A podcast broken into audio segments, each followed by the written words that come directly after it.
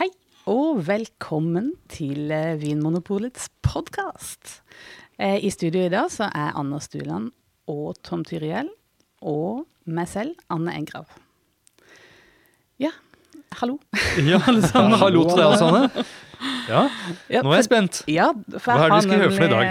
Jeg har med meg et brev vi har fått Et brev? på e-post. Ja. ja. For vi har fått et lyttespørsmål. -hmm. Det er André Vik som, har, som spør oss.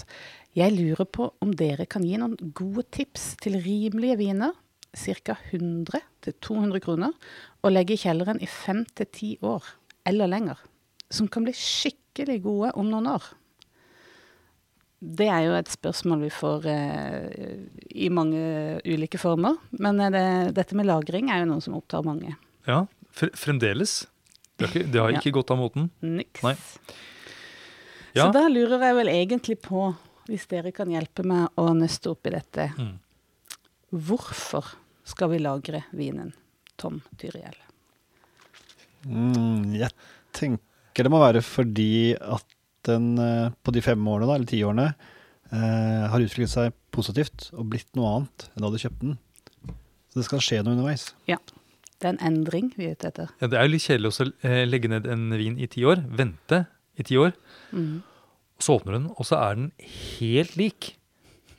altså at den, Det er jo ikke hermetikk dette er snakk om. Eh, Man vil jo ha en utvikling. Eller kanskje Nei, det er litt kjedelig. Det. Nei, det tror jeg er kjedelig, faktisk. Det kunne jo eh, for så vidt vært det også, men den vinen er så god. Jeg vil alltid tilbake til den samme smaken og den vinen. Ja, Men det er et annet spørsmål, tror jeg. Og her er det snakk om å lagre så at den blir god. Så det skal jo skje noe her. ja, den skal bli skikkelig god. Mm. Han skal røkte vinen. Ja, for dette, det, er, det er jo noen som lagrer også bare for å kunne åpne opp en flaske fra et bestemt år. At Ja. det er det som er målet, men det er ikke det, som, det, er ikke det André Vik er ute etter her. Nei. Ok, så Ja. noe skal endres. Fem til ti Eh, år. Det er jo ikke så fryktelig lenge, sånn i eh, Når man lagrer vin, egentlig. Ikke er, er sånn det universets eh, perspektiv. Nei, vi har vært borti viner som har ligget i 50 år, og noen har ligget 100 år og sånt nå. Da, er liksom, da begynner folk å liksom Wow! Ja. Men fem til ti år, det er jo ikke sånn kjempelenge. Nei, som regel så får vi jo gjerne spørsmål om sånn vin til eh, en 18-årsdag, en som nettopp er født, skal ligge i 18 år, eller 20-års bryllupsdag, eller Ja. noe sånt. Så fem år, ja, det går fort. For jeg kunne da tenkt meg å driste meg til å si det at eh, nesten hvilken som helst vin vil klare å liksom, vil tåle fem år. En vin på flaske vil tåle fem år. Det er min påstand. Ja. Men det er ikke sikkert at det er der alle disse vinene er aktuelle for, eh, for denne lytteren, da. Ja, nei, for det vi vet helt sikkert er i hvert fall at vin er levende. Det, det skjer noe, ikke sant? Mm. Altså ikke sånn helt bokstavelig talt levende, men det Ja, endrer seg. Ja, Ja, det er jo kjemiske prosesser i hvert fall, som Mm. fortsetter å gå. Ja, men det er, ikke, det er jo ikke, det er ikke um, levende Det er ikke bakterier og slikt nedi vinen. Nei. Nei. Men eh, jeg tenker at eh, det, i tillegg til det at det er noe som endrer seg, så er det også noen ting som ikke endrer seg. Skal vi begynne litt med det, eller? Det som ikke endrer seg? Ja, hva er det han ikke kan forvente vil forsvinne, eller noe som du på en måte vil være vinen uansett, selv om det går både Jeg 5, 10 og 15 år. Kanskje i hvert fall det med tannin eller garvestoff. Det er det mange som er opptatt av. Mm. Og tenker at hvis jeg lar den vinen ligge, eller hvis jeg tar den til mat, så liksom dempes det, og sammen med lagring også, at eh, det vil forsvinne. Men det, det gjør nok ikke. De tanninene vil bli der, altså selv om det skjer en utvikling. Så, så vil det, det være mye til stede også etter lagring. Ja, for det hører vi ofte, at eh, vi må la ting ligge så de skal slipe av tanninene. Slipe av tannilene. Ja, Mm. det har jeg hørt flere ganger. Og at de felles ut, og at de legger seg sånt eh, sånn mørkt grums i bånn av flaska. Mm. Men ja, det er... og, er, det, og det stemmer jo, for Ja. at uh, tannin reagerer med fargestoffene og andre ting, og så felles det ut. Men det er så minimalt i forhold til eh, smaken eller munnfølelsen. Så det vi har smakt av, i det jeg har smakt av vin som har lagret i lenge, 30-40 år, så er det ikke sånn at det er for lite tannin der. Mm. Kanskje, kanskje det var ti ganger så mye, men jeg kjenner jo de vinstilene fra før også, og de, det, er, det virker som det er nesten like mye tannin igjen etter den lagringen. så ikke forvent at tanninen blir liksom slipt ned til en sånn fløyels... en sånn fløyelspute. Nettopp. Og er det andre ting som eh, vi kan eh, Ja, altså Syra i vinen, den, i hvert fall min erfaring, at den holder seg ganske sånn konstant. Det, ja, det vil si noen hvitviner som har mye syre når den tappes, den kan liksom felle ut uh, syraen. Da ser det ut som det som, det som små glassbiter faktisk nede i, i, i flaska. Uh, det kalles da vinstein. Mm.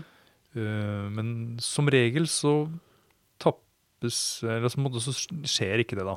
Da er liksom Syra, den holder seg. Ja, så en del sånn strukturelementer vil være ganske like. Mm. Også alkoholen vil være den samme. Det, du får verken mer eller mindre alkohol ved å lagre vinen. Nei. Nei, jeg tror ikke det. OK, hva er det da som endrer seg? Ja um, pam, pam, pam, pam, hva er det, som, det er jo altså noe De fleste sånne unge viner eh, de har jo en sånn eh, fersk og vital fruktighet over seg.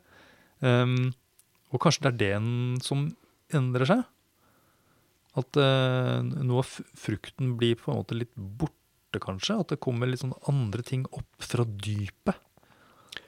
Ja, kanskje mindre dette ferske ferskpressa bær og sånt, og nyskårne frukt, som vi sier, som er kvaliteter ved unge viner. Det dempes jo. Så det, Mm. det får du mindre av. Mm. Og så sier vi at det går mot noe mer sånne høstlige ting. Alt fra sånn mer sånn geléaktig fruktighet, marmeladeaktig, til mer sånn tørket frukt og egentlig sånn den utviklingen et bær ville tatt hvis det lot det ligge også, på det. At det blir liksom mer diffust og til slutt rosinsfiskeaktig. Så du har jo smakt Du er jo eldst av oss, Tom. Jeg smakte gamle Du er mest, du er mest moden. ja. Så du har jo smakt mye, eh, mye vin, og også en del gammel vin. Hva er det liksom den type utvikla vin som du tenker er dette er sånn, dette, dette er greia med at vi lagrer vin. Det er dette som er på en måte Her er det en vits med å lagre det. Hva er det som skjer med vin da?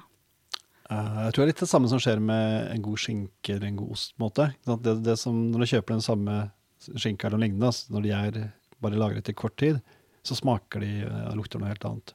Og det som kommer der da, av de smakende nyansene, som er uh, altså tørkede tingene, kryddertingene, og dette spillet at det, det, Jeg vil ikke si at det nødvendigvis blir mer kompleks, men det kan virke som i hvert fall at det spiller både på disse unge, ferske tingene, pluss disse utvikla og lagrede aromaene og smakene. Ja. Det, og det er vel kunsten, kanskje, å klare å holde, klare å utvikle og holde det aromaspennet, den paletten med de smakene og aromaene, det er da det er en vellykka utvikling. Vil jeg si, men jeg er enig med Anders at de fleste viner vil jo klare seg i fem år. Så det er litt hva, hva man har forventninger av hvor mye som kan skje på disse årene. Mm. Jeg er enig med Tom. At, eh, det, det, men jeg syns at det er, det er noe jeg forventer av vin, at den skal bli mer kompleks. Mm. Men jeg er forberedt på at denne liksom, tydelige frukten, den blir kanskje litt eh, dempet. Mm. Men jeg vil jo ha et litt mer eh, variert eh, aromabilde i, i vinen. Alt fra liksom sånn krydder, urter, noe liksom minner om sånn balsam og sånt, i tillegg til eh, en fruktighet som går fra noe litt sånn tørket, mens det samtidig er en sånn liten kjerne av en sånn uh, livlig fruktighet i, i midten. Og jeg, og jeg tenker også kanskje at det, er, eh, det kan være sånn store forventninger til sånn lagret vin. At man- kanskje noen tenker at all vin blir bedre ved lagring. Og det er jeg ikke så sikker på. Eller det tenker jeg det er litt opp til eh, hva man er på jakt etter. Eh, og mm, jeg er veldig glad i steinsopp. Lukten av steinsopp. Men sånn hvis du liker den type ting, så er det ofte det som vil, noe sånt noe lignende som vil komme i tillegg til fruktigheten når vinen er, er, er lagret. Ja, men vil dere altså da si at André har litt urealistiske forventninger? En vin til 100-200 kroner i løpet av fem til ti år, kan det skje noe Nei, det, kan, det kommer litt an på, altså, for det avhenger f.eks. Um, på um, lagringsforholdene. Um, hvis det er høyere temperatur, så går den, altså den kjemiske prosessen i vinen går raskere. Mm. Den endrer seg raskere. Så det er klart, lagrer han eh, vinen i 18-20 grader, så skjer ting fort. Og han risikerer også i den temperaturen at det kanskje ikke blir så komplekst, men den utvikler seg raskt. Lagrer den på 10 grader, så vil ta, ting ta mye, mye lengre tid. Og så kan det avhenge av f.eks. hvis det er skrukork på vinen, så har vinen en tendens til å holde seg fersk lenger. Mer holdbar på en måte, men har du bare fem til ti år, så er kanskje ikke skrukork det, det beste. Nettopp. Ja. Så naturkork og glassflaske, kanskje? Glassflaske, og så kanskje ikke sånn veldig, veldig kaldt. Nei. Selvfølgelig ikke minusgrader, men øh, ja, la oss si øh, Hvis jeg skulle ha lagret vin i fem til ti år og ville ha en tydelig utvikling, så ville jeg vel hatt, lagt meg på en sånn 15 grader omtrent. Ja. Høres, er, det, er det vågalt? Nei, jeg tror ikke det. Det er det som ofte anbefales noe rundt der. Ja. Og man kan visst lagre det opp til et par og 20 opp mot 30, har jeg sett noen skriver. At da skjer det utviklingen mye raskere. Men da tror jeg det også, eller, eller da mister du en del av disse fine nyansene du vil gjerne ha ved den utviklingen. Så jeg tror du skal prøve å holde deg i hvert fall under 20 grader. Mm. Vi leste jo og testa ut et eksperiment som ble gjort av han Nathan Myhrvold, som skrev eh, 'Modernist Cuisine, Cuisine', er ikke det en bok Mm. heter? Som testa å modne vin etter den var åpna, ved å kjøre den i blender for å få en sånn rask eh, aldring på vin. Men Gi det litt oksygen på en litt brutal måte. ja. Mm. Men det mm, Ja, så er ikke det, eh, det, skjer, det, er, det er ikke hele sannheten heller. Det er ikke bare en oksidativ utvikling. Det er noe med reaksjonen sant, med andre stoffer i, i vinen, og det er også noe med balansen mellom disse stoffene og hvor mye vann det er og sånne type ting. Så det er, det er flere kompliserte kjemiske prosesser Ja. som fører til den gode utviklinga. Mm. Noen ting tar tid. Ja, og vet du, jeg husker For noen år siden så leste jeg Det var på internett, da, så jeg vet ikke om det er sant. Men der sto det at eh, det var noen kinesiske forskere som hadde prøvd å sette strøm på vin for å, få, for å få i gang en aldringsprosess. Altså få den til å gå mye raskere. da. En sånn rask aldringsprosess ved hjelp av strøm. Men jeg har ikke, jeg har ikke verken hørt eller lest noe mer om det. Men det har vi snakka mange ganger Ja, om at vi må det teste. hadde vært, det hadde vært gøy å, å sette strøm på en vin, og så, og så smake den etterpå. Ok, Etter at den er koblet fra deg, selvfølgelig. men nå føler Tilbake til spørsmålet. Nå føler jeg vi drifter litt. Ja, Ja, Men Mm. altså, for å få eh, Etter du har valgt en eh, glassflaske, med, eh, ikke med skrukork, men med naturkork, og lagra det riktig i 50 år, hvilke druer og områder og vintyper er det da André bør satse på? Ja, for jeg, jeg tenker Du spurte meg om man har urealistiske forventninger, og det tenker jeg ikke nødvendigvis. Men man, det, man kan også ha det. Mange tenker at en vin som er fem-ti år gammel, liksom, var fantastisk. Da, da må det være godt i seg selv. Men den blir ikke nødvendigvis bedre, men den blir annerledes. Men ok, hva kan skje på disse, de- disse fem årene? Eh, jeg, under 200 kroner. Eh, jeg tenker druetyper som pinot noir, eh, gamay, sangiovese er interessante. Der kan det skje ganske mye i positiv forstand på fem til ti år. Mm. Ja. Og, og hva er det som skjer der? For, for i utgangspunktet så er jo dette ganske sånn der eh, delikate bærfruktige viner. Ja, da er det det å få dempet litt den fruktigheten, eller utvidet påplusset andre smaker og aromaer, som er dette litt sånn høstaktig, kjelleraktig, skogaktig sopp og tørket frukt og krydder. Og steinsoppen din, da. Og steinsoppen, ikke sant? Mm. Og litt sånn skinkeaktig også. Så det, Mhm. det smaker jo likt som lagret skinke. At den aromaen kommer samtidig.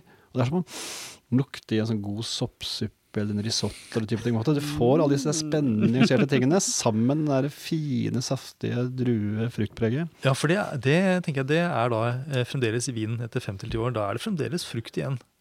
Det er jo det, Ja, vanligvis. ja. det vil være det.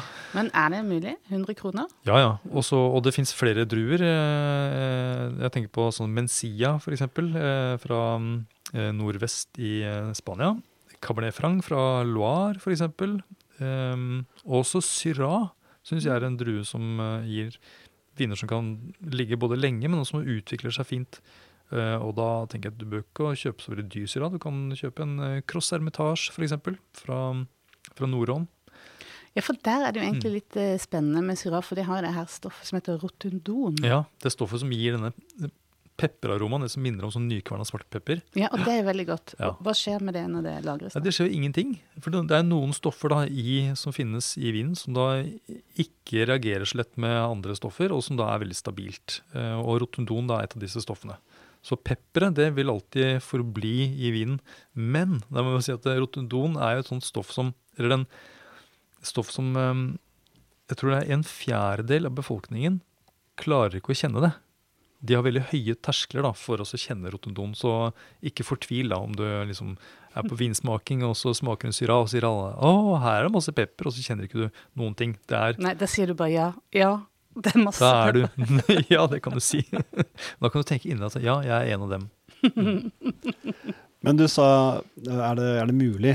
100 kroner? Jeg, jeg, det slår meg jo at jeg nok tenker på vin som ligger mer rundt 150 i hvert fall. At Mm. uh, det er nok lettere å få tak i ting der. Sånn som det de typene vi nevnte.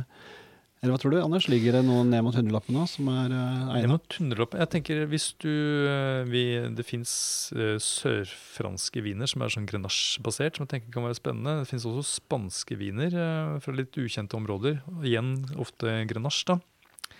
Som sikkert kan være morsomt å, å lagre litt. Og så har du sånn som eh, Argentina. eh, og kanskje Chile. Ikke helt ned på 100 kroner, selvfølgelig, men ja, 150 kroner. Mm. Mm. Ja, og fordelen med at man ikke har sånn voldsomt stor investering når man legger ned viner, er at man kan Nei. kjøpe litt flere, kanskje. Ja, og hvorfor det? Fordi da kan du Dette er et sånt standardsvar, føler jeg. Men da kan man eh, legge ned, hvis du legger ned seks viner, så kan du ta opp en flaske ved flere anledninger, og så kan du følge med på utviklinga. Nettopp. Ja, og det er jo litt greia, tenker jeg også, når man først lager vin. Og ser hva skjer her, og kunne følge med på det. Men også finne frem til litt sånn det litt optimale lagringsperioden for den vinen for deg. Mm. Så vi, når vi snakket om rødvin, si hvitvin hvis du kjøper eh, chardonnay fra Burgund, eh, så er det kanskje at etter fem år så har det der eh, fruktigheten åpnet seg, og fatet blandet seg litt inn i den sånt nå. Jeg tenker, Da er den veldig bra. Men så tenker jeg nei, det er litt for ungt fortsatt, så da må jeg vente fem år til. Så det er nå å finne den riktige fasen for eh, deg som smaker. Mm. Så er det kanskje viktig da også faktisk prøve, en, prøve vinen når du legger den ned også. Som det første året, eller år null, på en måte. Ja. Sånn at du vet hva som er utgangspunktet. Fordi eh, det er jo litt seint å gjette seg til hvordan vinen en gang var, når du åpner den da som ti år gammel. Det er jo Og kanskje så greit. skrive ned gode Ja. smaksnotater. Kjøpe deg en litt sånn fin bok som du kan ha liggende, eh, og så notere ned. Ja, eller noen har, gjør det Mm. kanskje på eh, PC. Ja. Gjør det EDB. Ja, eller mobilen Altså. Oh, ja. Bruke en app og legge notatene der. Ja, det er jeg helt imot. men, Mm. Men nå har vi bare snakka om rødvin. Ja, vi har bare snakket om rødviner. det, det, det finnes da hvitviner også oh, ja. i denne verden. Ja, det gjør det. Kan de lagres? Ja, det kan de. Og jeg tenker, for meg, hvitvin eh, og lagring, eh, helt supert. Nesten mer supert enn rødvin, faktisk. Ja vel, her må du utdype litt. Um, det er noe med at det nesten er lettere å kjenne endringen i hvitvinen, på en måte. Den er, eh, den er lettere å se gjennom. Det er jo Det er færre ting å holde orden på. Ja. Eh, nei, jeg klarer ikke helt å forklare det noe mer enn det, egentlig. Men eh, jeg syns det skjer mye spennende ofte i hvitvin. Mm. Og så er det også en litt sånn Hvitvin er en underdog når man snakker om, eh, om lagring. Det er mange som nesten fraskriver eller avskriver hvitvinen som en sånn lagringskandidat. Men, det, Ja. men eh, jeg tenker Og siden vi er, snakker er om fem, femårsperspektiv her også, det er ikke, da skjer det nok mer med en hvitvin. Og kanskje derfor også er sånne eksempler som pinot noir på rødvinssiden. Det også er en sånn, sånn misforstå meg rett, det er en sånn hvitvinsaktig rødvin med lette, lyse, delikate ting. Og der synes det tidligere kanskje enn en sånn kompakt, massiv vin fra Sørvest-Frankrike, Bordeaux eller lignende. Mm. Ja, skal vi nevne noen uh, druer og områder, kanskje, på hvitvins... Uh, Ja, hva side? ville du ha lagt ned i kjelleren? Uh, jeg ville jo slå et slag for Grüner Weltliner, uh, f.eks., fra eh, Østerrike. Mm. Eh, det er en drue som faktisk har litt sånn pepperaroma fra rotundon. Um, eh, og så eh, tar vi en snei innom eh, Ungarn, og der lager de da eh, noen tørre viner basert på en drue som heter furmint, Ja, det er spennende. som er nesten sånn chablis-aktig. Og de tenker jeg de virker litt sånn litt kjedelige og nøytrale når de er eh, ferske, men det er viner som jeg har liksom tro på på en sånn fem til ti års periode. Ja, for det er jo nesten eh, det eh, optimale hvis du har fått til med lagring av en vin. Hvis du har smakt den som uh, ung og fersk og tenkt ja, her var det litt sånn nøytralt og intetsigende, og så legger du det vekk, og så tar du det opp, og så er det blitt noe helt Den har blomstret opp. Ja. Ja, Fått tenk. masse nyanser. Mm. Mm, Hvis det skjer, da, så har du lykkes. ja. Det er litt sånn uh, Den som man aldri la merke til i skolegården. Og så, Ja. ti år seinere. Mm. Så skal man se. Ja. Og du da, Tom? Hva ville du lagt med? Mm, Chenin Blanc, tenker jeg, fra Loire. ja. Der får du også tak i noe i den, den relevante prisklassen, under 200. Eh, spennende drue, som det holder høyt kvalitetsnivå. Det skjer en del ting med. Uh, også hvit bordeaux, som ofte overses. Um, det er mye fokus på rød bordeaux, men hvit bordeaux har jo det der fatpreget og den fruktigheten fra druene Sauvignon Blanc og Semillon ofte. Og det tar ofte litt tid på at de tingene måte skal binde seg sammen og bli et, et finere helhet, som man sier. Så de to. Mm. Eh, tenkte på Riesling òg. Der er det mye eh, Mange viner som ligger i dette prissjiktet. Men eh, samtidig så er det noe med det fine med Riesling er jo den der unge fruktigheten også. Jeg vil kanskje ikke Jeg vet at jeg kan lagre, lagre lenge, men hva tenker du, Anders? Er det Det er litt rart. ned? Ja. Ja. fordi Før så snakket man om Riesling, at det var en nesten opplagt kandidat, da, hvis man snakket om hvitvin og lagring. Men nå har vi blitt sånn så glad i den der Riesling-fruktigheten, som er sånn direkte, rett i fleisen. Ja, vi vil ikke Mm. ødelegge den. Nei, men eh, kanskje vi skal gjenoppdage da, denne liksom utvikla Riesling-stilen. Og skal man legge ned litt forskjellige viner, så Ja. ville jeg tatt en, en Riesling òg, Ja. bare for å se hva som skjer med den. Det Ja. er jo, Mm. som du sier, vi har blitt vant til den fruktigheten, men den, den tåler jo dette fint. Ja, og kanskje de mest holdbare av disse Rieslingene er jo disse som har litt sødme, sånn spetlese-auslese-nivå, men da er det jo en vin som har ja, den, den er ikke helt tørr, da. Ja, ja, det er spennende. Og så har jeg en, en siste, eh, og det er, som jeg kom på nå, det er jo muscadet. Ja. Eh, en vin som Og der er vi nesten på hundrelappen, faktisk, på, på noen viner.